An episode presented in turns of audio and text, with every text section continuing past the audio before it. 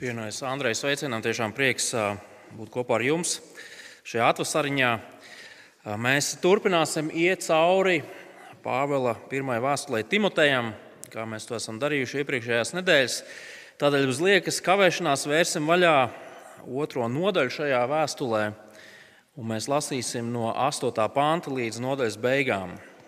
1. Timotejam, 2. nodaļa, no 8. panta līdz 15. Draudzes Bībelēs 1209. lapuse.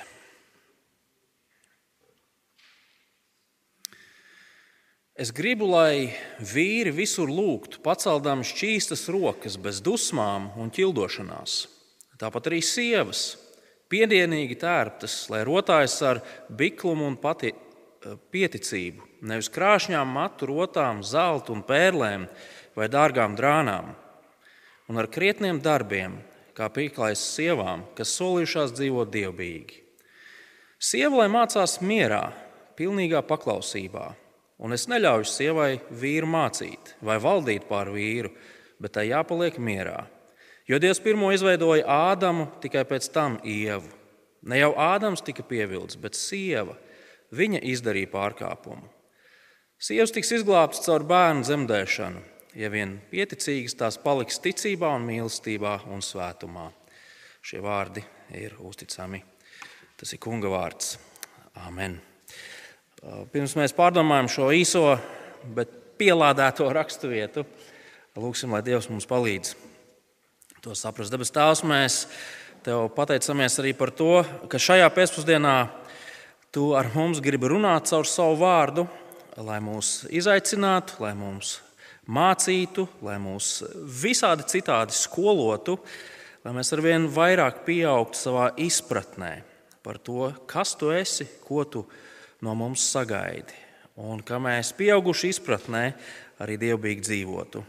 Tēvā mums mīkstas sirdis, kuras ir gatavs iet tur, kur tavs vārds tās ved. Lūdzam, Jēzus vārdā. Amen. Kā jūs no raksturietas uzreiz pamanījāt, tad šajā dienā mēs veltīsim sprediķi, lai domātu par vīriešu un sieviešu lomām draudzē.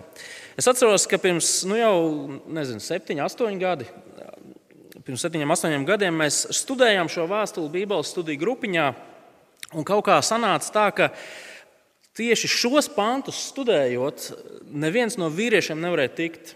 Un tā nu es, es viens pats ar kādām piecām, sešām sievietēm Un mans tuvs, tuvs brālis īsi pirms Bībeles studijas domāja, nu jāizsūta Mārtiņam kāds iedrošinošs vārds. Viņš atsūta īziņu, raksturvietu izlasīju, lai tev veicas.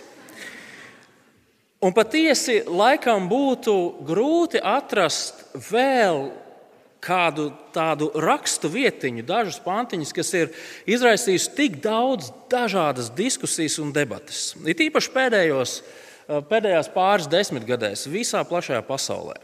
Un piekritīsiet, ka jautājumi par, par, par sieviešu un vīriešu vienlīdzību, par dzimumu lomām un dzimumu pienākumiem, tas ir karstais kartupelis. Karstais jautājums arī pie mums Latvijā. Tā taču ir. Un būs daudzi, kas izlasot šos pantus, teiks, nu, zini, viss kārtībā ar šiem pantiem. Toreiz, pirmajā gadsimtā, Efezas pilsētā, tajā oriģinālajā kontekstā, kurā šie panti tika rakstīti, viņi droši vien kalpoja savam mērķim, bet mēs dzīvojam citā laikā, tā vairs nav mūsu problēma. Tādēļ šie panti nav nekas vairāk par tādu ieskatu, kā kādreiz lietas notika. Un, protams, draugi Pāvils šos pāntus raksta Efezas draugai pirmajā gadsimtā, jo viņam ir jārisina kāda pirmā gadsimta Efezas drauga raksturojoša problēma. Un to mēs pēc brīža redzēsim. Taču tas, ko Pāvils pasaka šajos pantos, ir kaut kas daudz vairāk nekā problēmas risinājums, konkrēts problēmas risinājums. Pāvils runā par universāliem principiem vīriešu un sieviešu attiecībās draudzē, kas ir universāli ne tikai pirmajā gadsimtā, kaut kur vidusjūras reģionā, bet visos laikos, jau kopš radīšanas sākuma. Un tas nozīmē, ka lasot šos pantus, mums ir jāsaprot, kā tie attiecās uz mums, jo tie attiecās arī uz mums.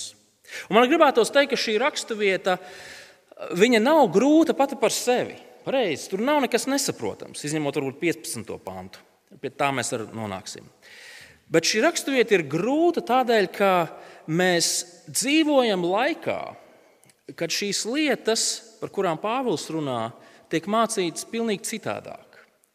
Un gribam mēs to vai negribam, bet bieži vien arī draudzēs šī pasaulīgā sekulārā izpratne par šiem jautājumiem ir iesūkusies iekšā. Un tādēļ, nemaz jau nerunājot par pasauli ap mums, arī kristiešiem reizēm tie vārdi, ko mēs lasām, viņi ir kā gāzbetons, ko velk lēnām pa asfaltam, tā skaņa, ko rada. Ja? Vai, vai ar dakšiņu lēnām velk pa šķīvi. Diezgan griezīga skaņa. Un mēs nesaprotam, kāpēc Pāvils par to runā un ko viņš grib. Un, draugi, mums ir jāatcerās, ķeroties šai lietai klāt, kāpēc Pāvils vispār raksta šo vēstuli. Mēs atceramies, ka Pāvils raksta šo vēstuli tādēļ, ka draudzene, kristīga draudzene, tā ir vieta, kur ir dzirdama patiesība. Trešās nodaļas 15. pantā Pāvils saka, ka draudzene, kristīga draudzene, dzīvā dieva draudzene ir patiesības pamats un balsts. Un šī patiesība ir tas, ka Kristus ir nācis pasaulē, lai glābtu grēciniekus. Dievs vēlas glābt visas pasaules tautas. Un tādēļ draudzēji ir jānostājas aiz šī cēlā un, un milzīgā mērķa. Un, draugi, ja tas tā ir, tad neizbēgami būs lietas, kurām draudzē nebūs vietas. Un būs lietas, kuras draudzē ir jāattīst un jāizkopj noteikts dzīvesveids un noteiktas, noteiktas lietas, ko tā dara vai nedara.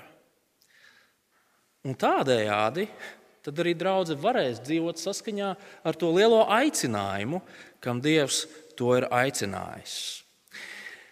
Pirms ķeramies klāt šiem dažiem pantiem, vēl mazais, maza tāda ievada piebildīte vai precīzāk sakot, divas. Un mums tas ir jāpaturprātā, lasot šos pantus. Pirmkārt, Pāvils šos pantus velta draudzēji, kas sanāk kopā. Tātad runa ir par draugu un, un to, ka tā ir sanākusi kopā. Pāvils šeit nerunā par kristiešiem, kā viņiem ir jādzīvo pasaulē, kā viņiem ir jā, jāveido attiecības ar, ar saviem darba devējiem, darba ņēmējiem. Pāvils šeit nerunā kristietis un politika, par to šeit nav runa. Šeit ir runa par to, kā kristiešiem ir jāuzvedas kad viņi ir sanākuši kopā. Nu, gluži tā kā mēs šeit šodien. Un otra mazā piebilde, lai gan šeit, jā, latviešu valodā visur tiek lietots vārds vīrs un sieva, šeit nav runa par par precētajiem cilvēkiem. Ja? Šeit ir runa par visiem vīriešiem un sievietēm, neatkarīgi no viņu um, sociālā statusa. Un Pāvils šo raksturvietu sāk ar vārdu vīriem. Ir viena lieta, ko Pāvils grib pateikt vīriem. Un Pāvils vēlas redzēt vīrus, kas lūdz. Ieskatieties vēlreiz 8. pantā. Pāvils saka, es gribu, lai vīri visur lūgtu, paceldami šķīstas rokas, bez dusmām un ķildošanās. Pāvils grib kaut ko ļoti vienkāršu. Viņš grib, lai vīrieši sanākot kopā, lai kur arī viņi nesanāk kopā kā draugi, lai viņi lūgtu. Lai gan tas, tas, tas nenozīmē to, ka mēs nelūdzam, tad, kad esam vieni paši vai kopā ar ģimeni vai darbā, Pāvils grib īpaši izcelt, ka kopā sanākot kā draudzēji, vīriešiem ir jālūdz. Taču Pāvils visā šajā diezgan saprotamajā pavēlē grib īpaši pievērst uzmanību tam, kā šai, šīm lūkšanām ir jānotiek. Kā vīriem vajadzētu lūgt? Skatieties, paceldam šķīstas rokas bez dusmām un ķildošanās. Es nezinu, kā jums, bet Es tā brīdi padomāju par šo teikumu, un liekas, nu, kaut kāds ārprāts tur ir laikam tajā efezā noticis. Nu, ko viņi tur sanāk uz dievkalpojumu un kā, vicinās ar dūrēm, vai sāk tur bļaut viens uz otru, lamāties. Kas tās par lūkšanām, kur, kur ir dusmas? Piekritīsiet. Kas, kas tā par tādu vienprātīgu uh, nākšanu Dievu priekšā, ja ir ķildes? Tas taču nav iespējams. Tieši tā. Tas nav iespējams. No vēstules konteksta Mēs zinām to, ka Efezas draudzē bija iezagušies kādi skolotāji, caur kuriem izplatījās viltus mācības. Dažādas spekulācijas, viņi mācīja par asketismu, viņi runāja par to, ka ir īstie kristieši un tad ir tādi, tādi pa pusē vai neīstie. Un tas viss noveda pie tā, un mēs to viegli varam iztēloties, ka cilvēku vidū sākās šķelšanās. Tas noved pie strīdiem, pie ķildām, pie aprunāšanas, pie lamāšanās, pie dusmošanās.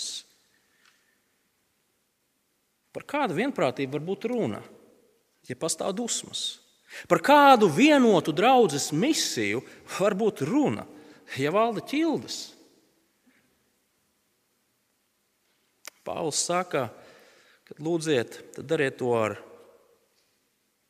šķīstām rokām, kas paceltas gaisā. Un, protams, Pāvils šeit nerunā konkrēti par to, ka tad, kad vīrieši lūdz, viņiem rokām ir jābūt gaisā. Tāpēc, ka rakstos mēs varam redzēt, ka cilvēkiem ir liela brīvība tajā, kā viņi lūdz Dievu. Viņi var nokrist ceļos, viņi var garšļauks lūgt Dievu, viņi var stāvēt ar rokām gar sāniem, rokām gaisā. Tas nav svarīgi. Manuprāt, svarīgi ieraudzīt to, ka Pāvils šeit runā par to sirds attieksmi, ar kādu vīriem ir jālūdz. Un šajā gadījumā izstieptas rokas šādi. Tas ir žests, ko demonstrē ubaks. Ubaks, kurš ir atkarīgs no žēlstības dāvanām. Pāvils vēlas, lai, lai vīru lūkšanas sirds būtu tieši šādi. Nekāda lepnuma. Es nāku savu Dievu priekšā, kurš man dāvā žēlastību. Pāvils vēlas, lai vīru lūkšanas būtu bez dusmām un bez kašķiem, bez kautiņiem, bez lamāšanās, bez kaut kādiem aizvainojumiem vienam uz otru, bez tās klusās, nemanāmās gruzdēšanas, kas bieži vien cilvēku starpā notiek. Pāvils vēlas, lai vīri, kad viņi nāk kopā, draudzē, lai viņi lūgtu. Un otrās nodaļas sākumā mēs redzējām, lūgt par visiem cilvēkiem. Kāpēc? Tāpēc, ka Dievs vēlas glābt visus cilvēkus no dažādām tautām.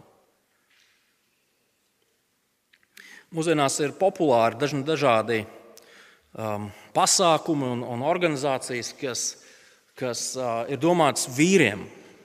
Ja tu esi īsts vecis, tad nāc piedalīties šajā izaicinājumā un tā tālāk. Tā un tās ir foršas organizācijas un foršas aktivitātes. Problēma jau nav tajā pašā par sevi. Taču reizēm mums liekas, ka īsts vecis, īsts vīrietis ir tas, kurš var ar kailām rokām gailam galvu noraut. Un, un, un ko tik vēl neizdarīt. Viss ir kārtībā. Arī tām ir sava vieta. Ja, ja ģimene ir jāpabaro, tad nekas cits neatliek, kā gailim galvu noraut.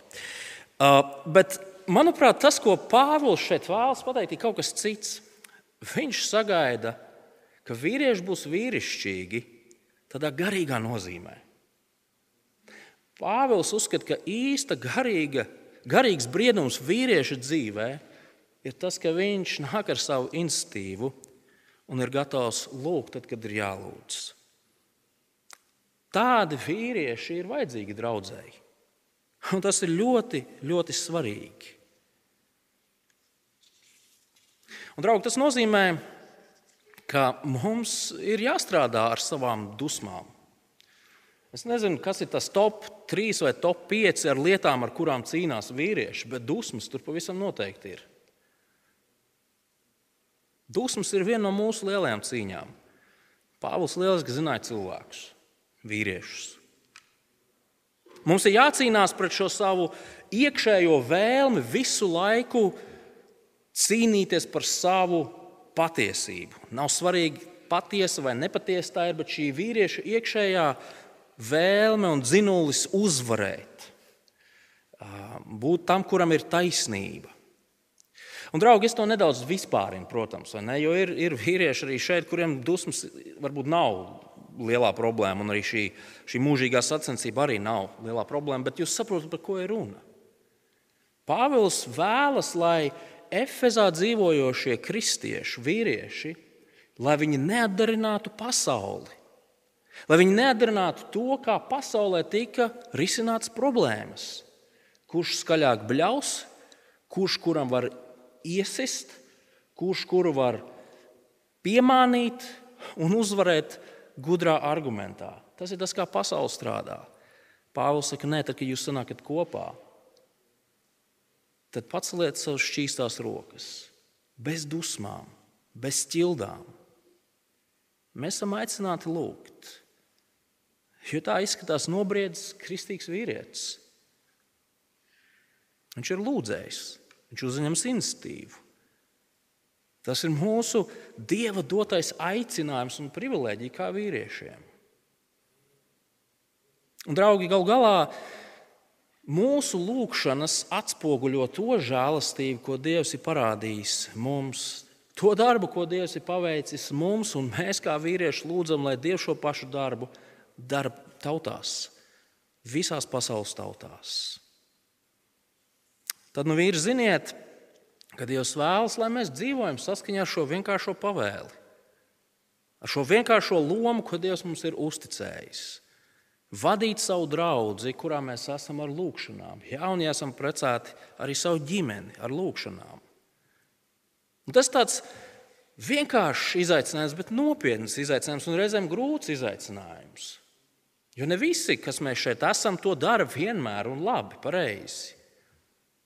Un Pāvila izaicinājums droši vien būtu ļoti vienkāršs un ļoti tiešs. Ja tu to nedari, sāc to darīt. Un tad, kad tu to sāksi darīt, tad tu redzēsi to, cik tā ir milzīga svētība. Un, un kas par milzīgu privilēģiju ir vērsties pie savu varenā dieva un glābēja ar savām lūgšanām. Mēs neviens nepiedzimstam par lūdzējiem. Mēs neviens nepiedzimstam. Taču Pāvils pavēla esiet lūdzēji. Raksti mūs skaidri aicina to darīt. Tā ir daļa no mūsu aicinājuma, kā vīriešiem. Un beig beigās atcerieties, ka Dievs mums neuztic darīt neko tādu, kur Viņš pats nav klātesošs un nepalīdz mums to īstenot. Ja nu jums ir jautājumi par to, kā to darīt, kā to sākt, vai kā jūs varat iesaistīties ar savām lūkšanām pēc dievkalpojuma, droši pienāciet pie manis, mēs varam par to parunāt sīkāk. Vārds sievām, sievietēm. Sievietes, Pāvils vēlas redzēt sievietes, kas tērpjas ar krietniem darbiem, 9. un 10. pāns. Tāpat arī sievas piedienīgi tērptas, lai rotājas ar biklumu un pieticību, nevis krāšņām, matu rotām, zelta un pērlēm vai dārgām drānām, un ar krietniem darbiem, kā pieklājas sievām, kas solījušās dzīvot dievbijīgi. Arī šajos pantos, lai mēs to saprastu pareizi, ir svarīgi šo to zināt par tā laika kontekstu un, un situāciju, kurā Pāvils raksta. Redziet, Efeza bija pilsēta, mūsdienu Turcijā, kas bija slavenās dievietes Artemīdas centrs, pielūgsmes centrs. Un šī Artemīda bija sieviete, kura izmantoja savu, savu āršķirību, lai dažni dažādi vilinātu un valdzinātu tos, kuri pielūdz viņu. Un šajā, šajā reliģijā, šajā kultā bija tādas izsmalcinātas tempļa prostitūtas. Un ir interesanti, kā viņas tiek raksturotas pirmā, pirmā gadsimta dokumentos. Viņas ir raksturotas kā sievietes, kuras ir tērptas dārgās drānās, viņu mati ir sapīti bizītēs.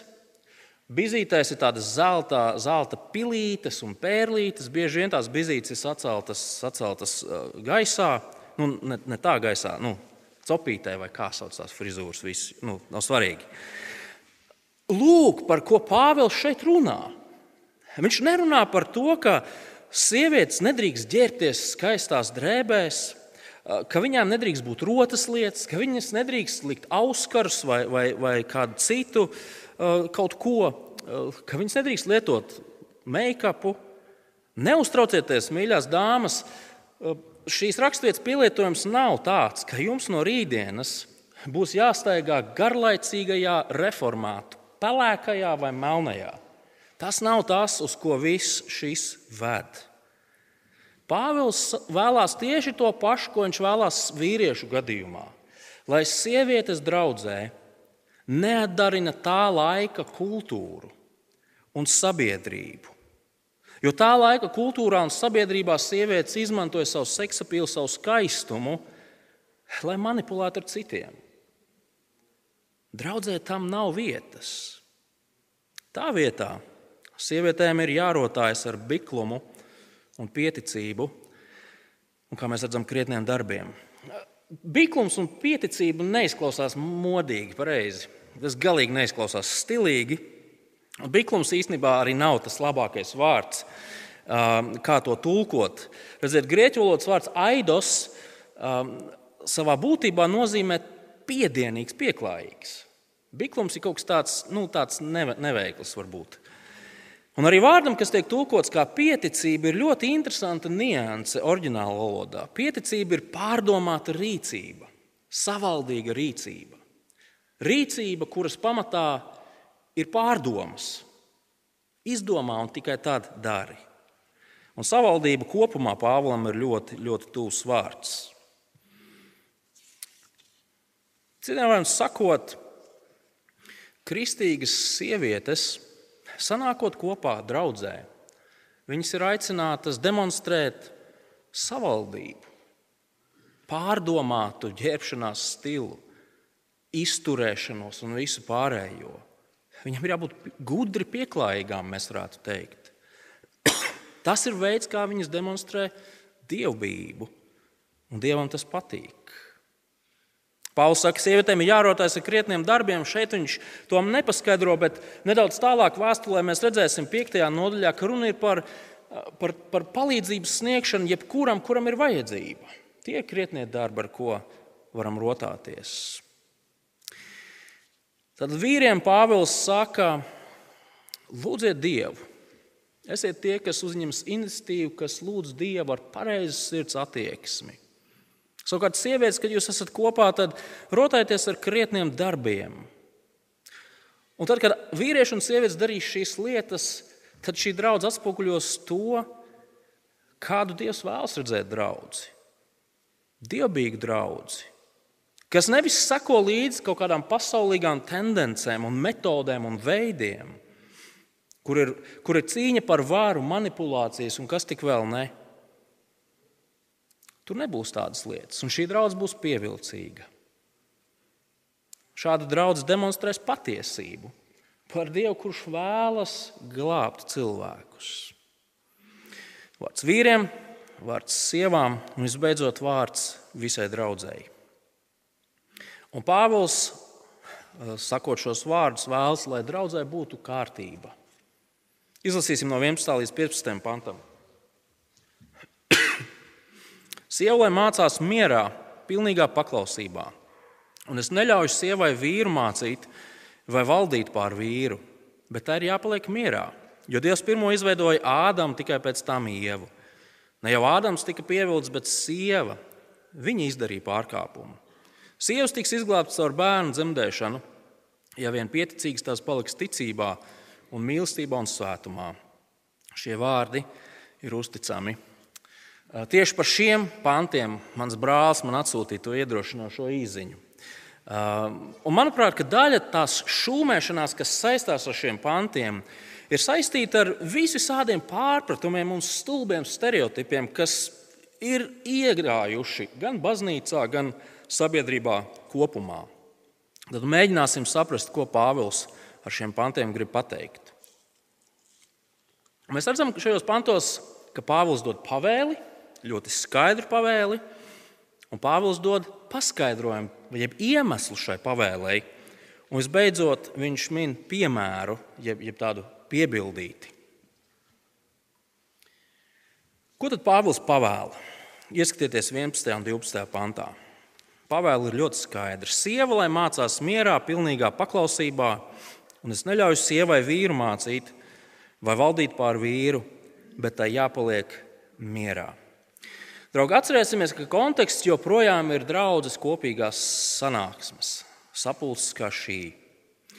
Pirms mēs mēģinām saprast šo, šo pavēli, man liekas, ir svarīgi vispirms noskaldīt nost vienu otru nepareizo lietu, ko Pāvils ar šiem vārdiem nedomā. Pirmkārt, Pāvils šeit nesaka to, ka sieviete nedrīkst runāt. Jā, vīri, Pāvils to šeit nesaka. Sievietes drīkst runāt. Vārds miers, jeb mierā, ko mēs redzam šeit pāris reizes atkārtot, ir tas pats vārds, ko mēs redzam, ieskatieties otrās nodaļas otrajā pantā, kur Pāvils runā par kristiešu dzīvi.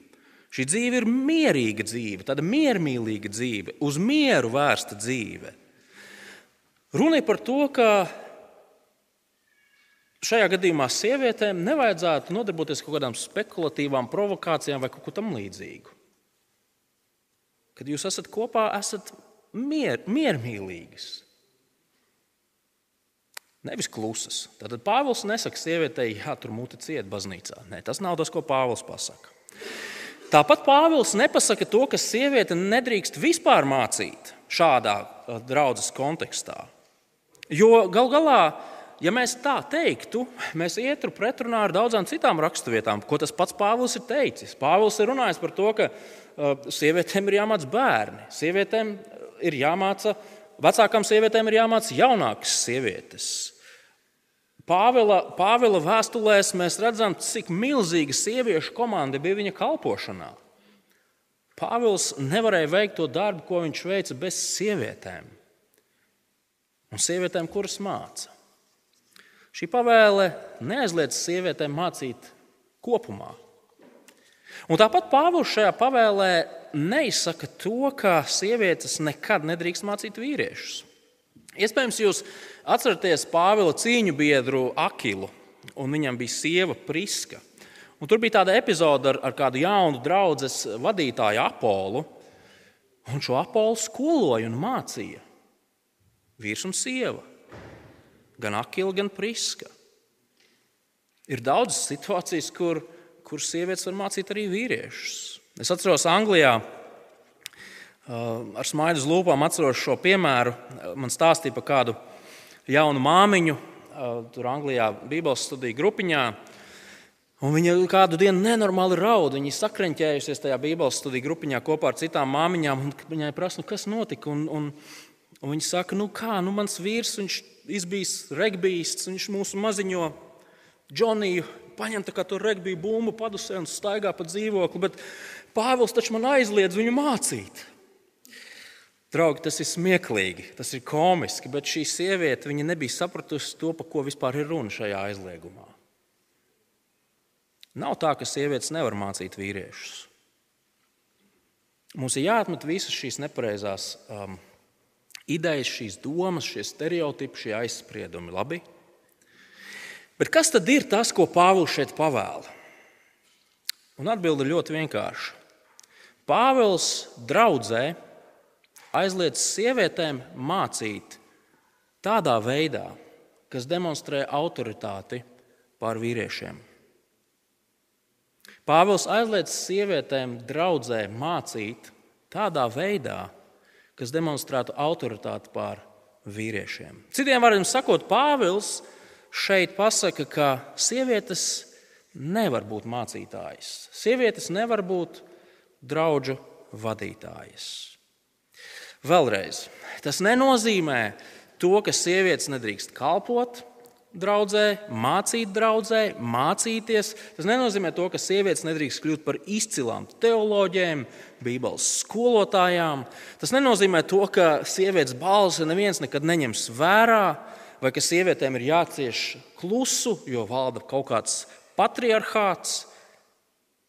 Tas nenozīmē to, ka sieviete nekad un nekādos apstākļos nedrīkst mācīt citus vīriešus. Tas nav tas, ko Pāvils šeit māca. Un arī mūsu draudzē, jūs taču piekritīsiet, mēs redzam šo veselīgo pieeju. Mēs, mēs varam būt pateicīgi par visām tām māsām, kuras ir iesaistījušās veselīgā kalpošanas darbā. Vai tā būtu svētdienas skola, vai tas būtu darbs ar jauniešiem, vai tas būtu Bībeles studiju vadīšanas. Mūsu draudzēs sievietēm ir tieši tāda pati balss kā vīrietim. Viņu, viņu izpratne, viņu idejas, viņu ierosinājumi tiek ņemti vērā, tad, kad mēs runājam par draudzes vadību un virzību.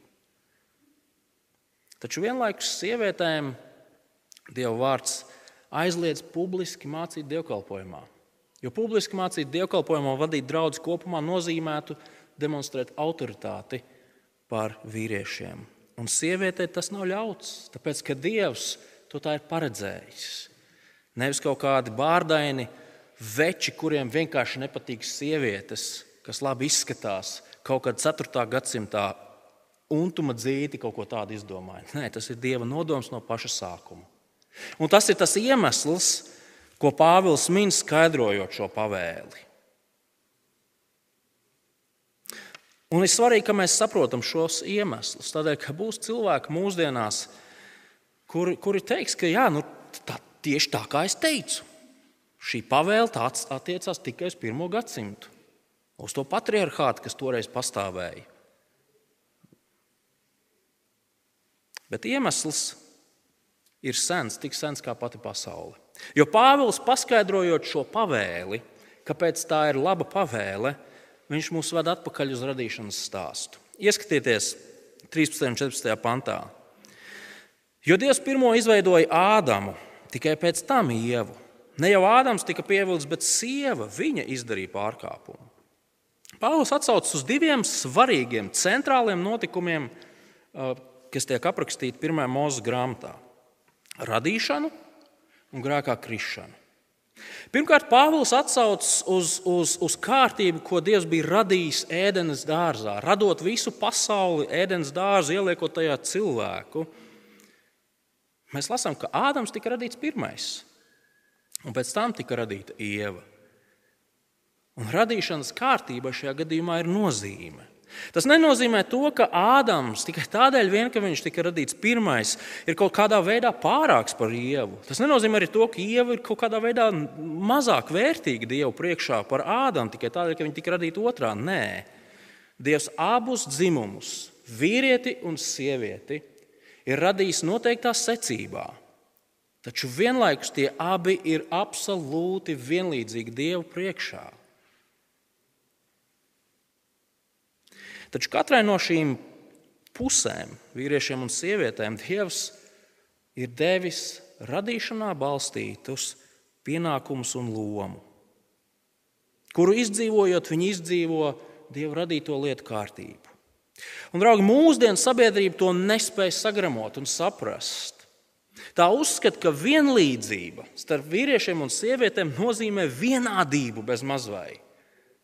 Nav vairs tādu īpašību, kas raksturo vīrieti, nav vairs tādu īpašību, kas raksturo sievietes. Mēs burtiski varam kļūt par sievietēm, ja mēs gribam bārdainie vīri. Ja? Mums ir cerība un otrādāk. Mūsdienas sabiedrība visas robežas ir noārdījusi. Taču Dievs, Dievs cilvēkus radīja brīnišķīgi atšķirīgus un katru ar savu īpašo, unikālo aicinājumu. Šis unikālais, atšķirīgais aicinājums nekādā veidā nesamazina vai nepaukstina viena vai otra dzimuma vērtību.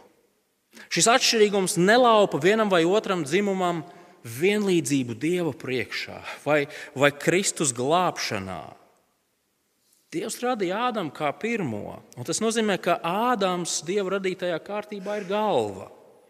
Viņš ir tas, kurš ir atbildīgs beigu beigās par rūpēm par ēdienas dārzu. Dievs no viņa pieprasīs. Dievs viņam ir uzticējis autoritāti. Un sieviete tika radīta kā ebreju valodā, ir latviešu tiek tulkots kā palīgs, bet ebreju valodā šis vārds ir kaut kas vairāk kā palīgs. Ebreju valodā šis vārds nozīmē, ka tas, kurš ir pretējs viņam. Dievs radīja cilvēkam, Ādamam, pretējo, un šis pretējais atšķirīgais papildina Ādamu. Tātad, radot cilvēci, Dievs paredzēja, ka Ādams būs galvenais, viņam līdzās būs ieva, kas ir tāda pati kā viņš, tikai pretēja.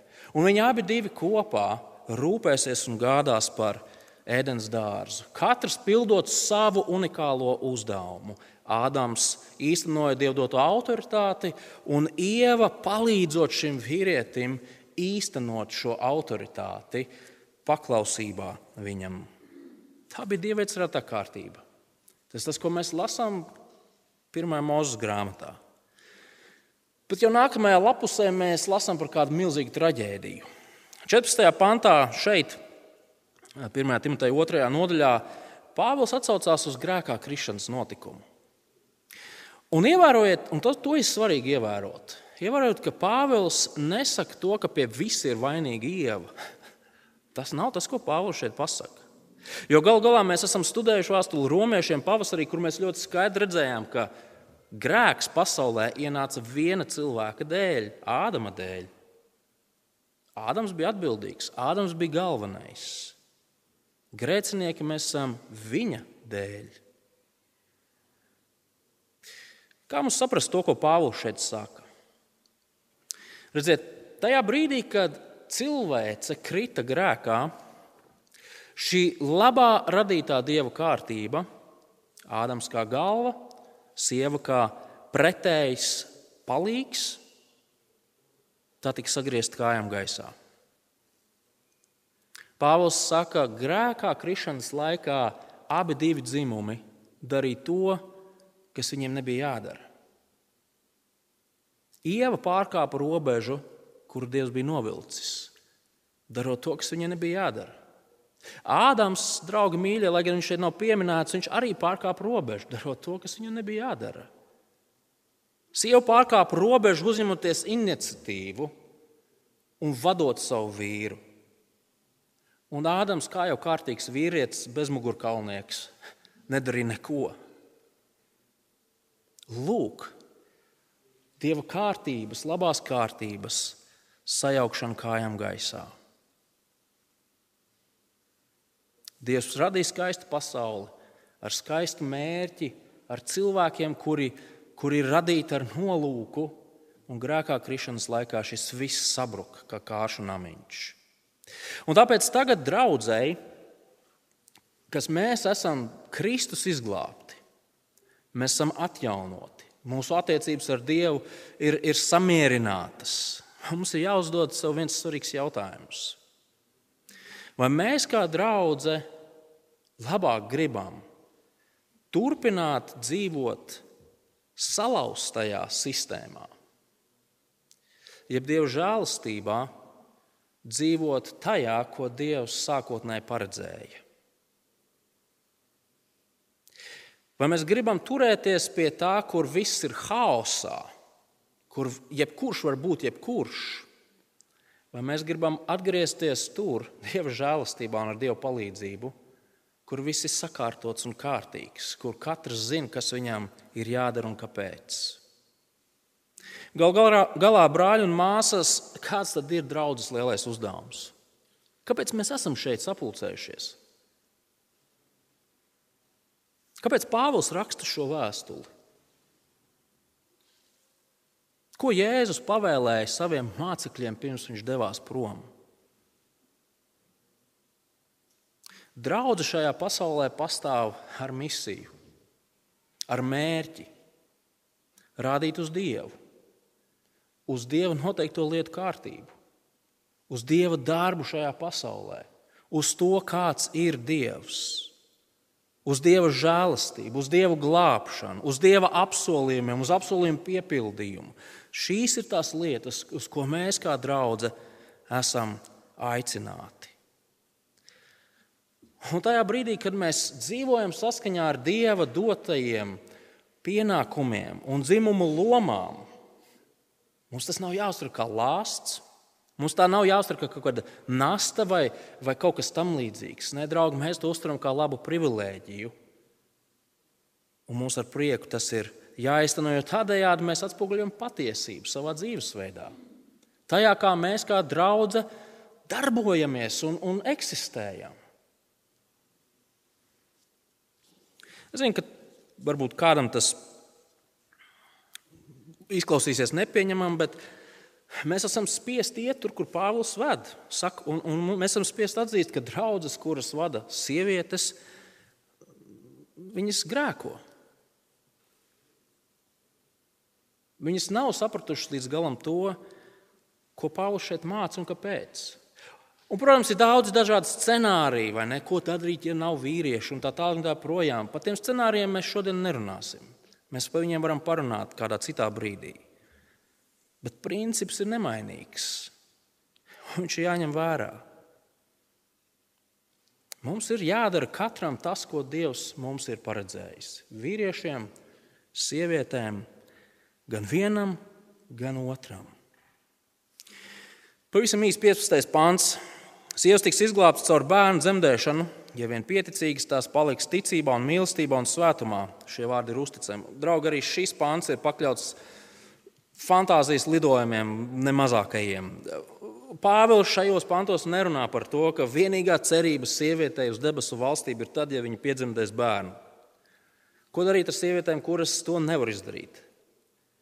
Kurām tas nav iespējams, draugi, viņām nav cerība.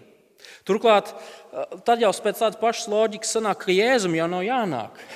Piedzemdējiem bērnu un aidā, debesu valstībā. Arī tas nav tas, ko Pāvils šeit pasaka. Par ko viņš šeit runā? Manuprāt, Pāvils šeit runā par vienkārši skaistu piemēru tam, kā izskatās dzīve, kas ir pakārtot Dieva labai, labo, Dieva labajai kārtībai, ko Dievs ir paredzējis. Un šajā kārtībā sievietes dzemdē bērnus. Tik vienkārši.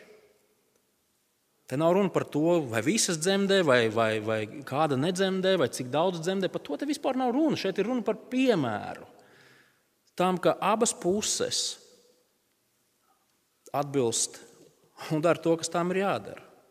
Un beigu beigās, kā tad cilvēkiem tiek dāvāta glābšana? Pāvils saka, caur, caur palikšanu ticībā, mīlestībā, svētumā. Šie trīs vārdi viņi atkārtojas arī pirmajā nodaļā, runājot par tiem, kas ir aizskrējuši um, prom un kur, kur kuģis ir sadragāts. Viņš runā par to, ka viņa ticība ir uh, sadragāta, ticības kuģis ir sadragāts. Ticība Kristum, Kristus mīlestība un turēšanās pie tā, ko viņš ir teicis, ir tas, kā mēs tiekam glābti. Draugi, draudzē ir jābūt vietai, kur ir dzirdama patiesība. Mums ir jāvar mutes vaļā un jārunā par to, kas ir patiesība.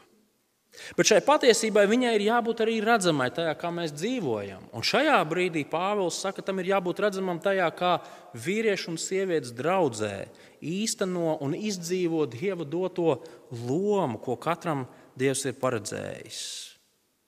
Un, draugi, mums pirms, pirms brīža vesela virkne maziņu aizgāja uz turieni un arī pa tām durvīm mūsu nākamās paudzes. Mums ir jāmāca viņiem veselīgi raudzīties uz to, kas ir vīrietis, kas ir sieviete draudzē. Lai tagad, kad būtu mūsu laiks doties pie kunga, viņi varētu turpināt, uzticīgi spīdināt patiesības prožektoru un izdzīvot patiesību savā paudzē, savā laikmatā, kas iespējams būs vēl trakāks un grūtāks nekā mūsu. Tādēļ vīrieši būsim lūdzēji, būsim gatavi uzņemties iniciatīvu un vadīt tur, kur, kur, kur no mums tas tiek sagaidīts. Darīsim to ar prieku. Mācīsimies to darīt ar vien labāk un labāk, lai mūsu ticības māsas ar prieku nāktu līdzās tajā darbā, ko mēs darām. Sievietes rotājieties ar krietniem darbiem. Tas patiešām ir skaisti un atbalstiet vīriešu draudzē veikt viņu uzdevumu. Galu galā atcerēsimies, ka mēs šajā darbā visi esam kopā. Mēs esam plecu pie pleca, kā tādi karavīri, kas ir ierakušies tranšējā, kas cīnās par evaņģēliju. Un, lai karavīri varētu pastāvēt, katram ir jāveic savs uzdevums. Gluži kā īstajā dzīvē. Lūksim Dievu. Labais debes Tēvs, mēs Pateicamies par tavu milzīgo žēlstību un to, kā tu gādā par savu draugu. Paldies, ka tu mūs esi radījis tik dažādus, tik unikālus, um, tik dažādiem talantiem, dāvanām, spējām. Un tās mēs lūdzam, lai tu mums palīdzētu to novērtēt. Kungs, lai mēs ar prieku katrs izkoptu to, ko tu mums esi devis. Tādējādi cits citu papildinot arī šajā draudzē. Un mēs lūdzam, lai mūsu dzīve saskaņā ar, ar to, kas ir vīrietis un sieviete, lai tas atbilstu tavam labajam nodomam. Un tādējādi, ka mēs ar savu dzīvi varētu demonstrēt to, kāda ir tava labā radīto lietu kārtība. Tās piedod, kur mēs skrienam tev pa priekšu, vai kur mēs valkamies tev nopakaļ. Esi žēlīgs mūsu, mūsu klupienos un kritienos un palīdz mums iet uz priekšu tavā žēlstībā pareizi. To mēs lūdzam Kristus vārdā. Āmen!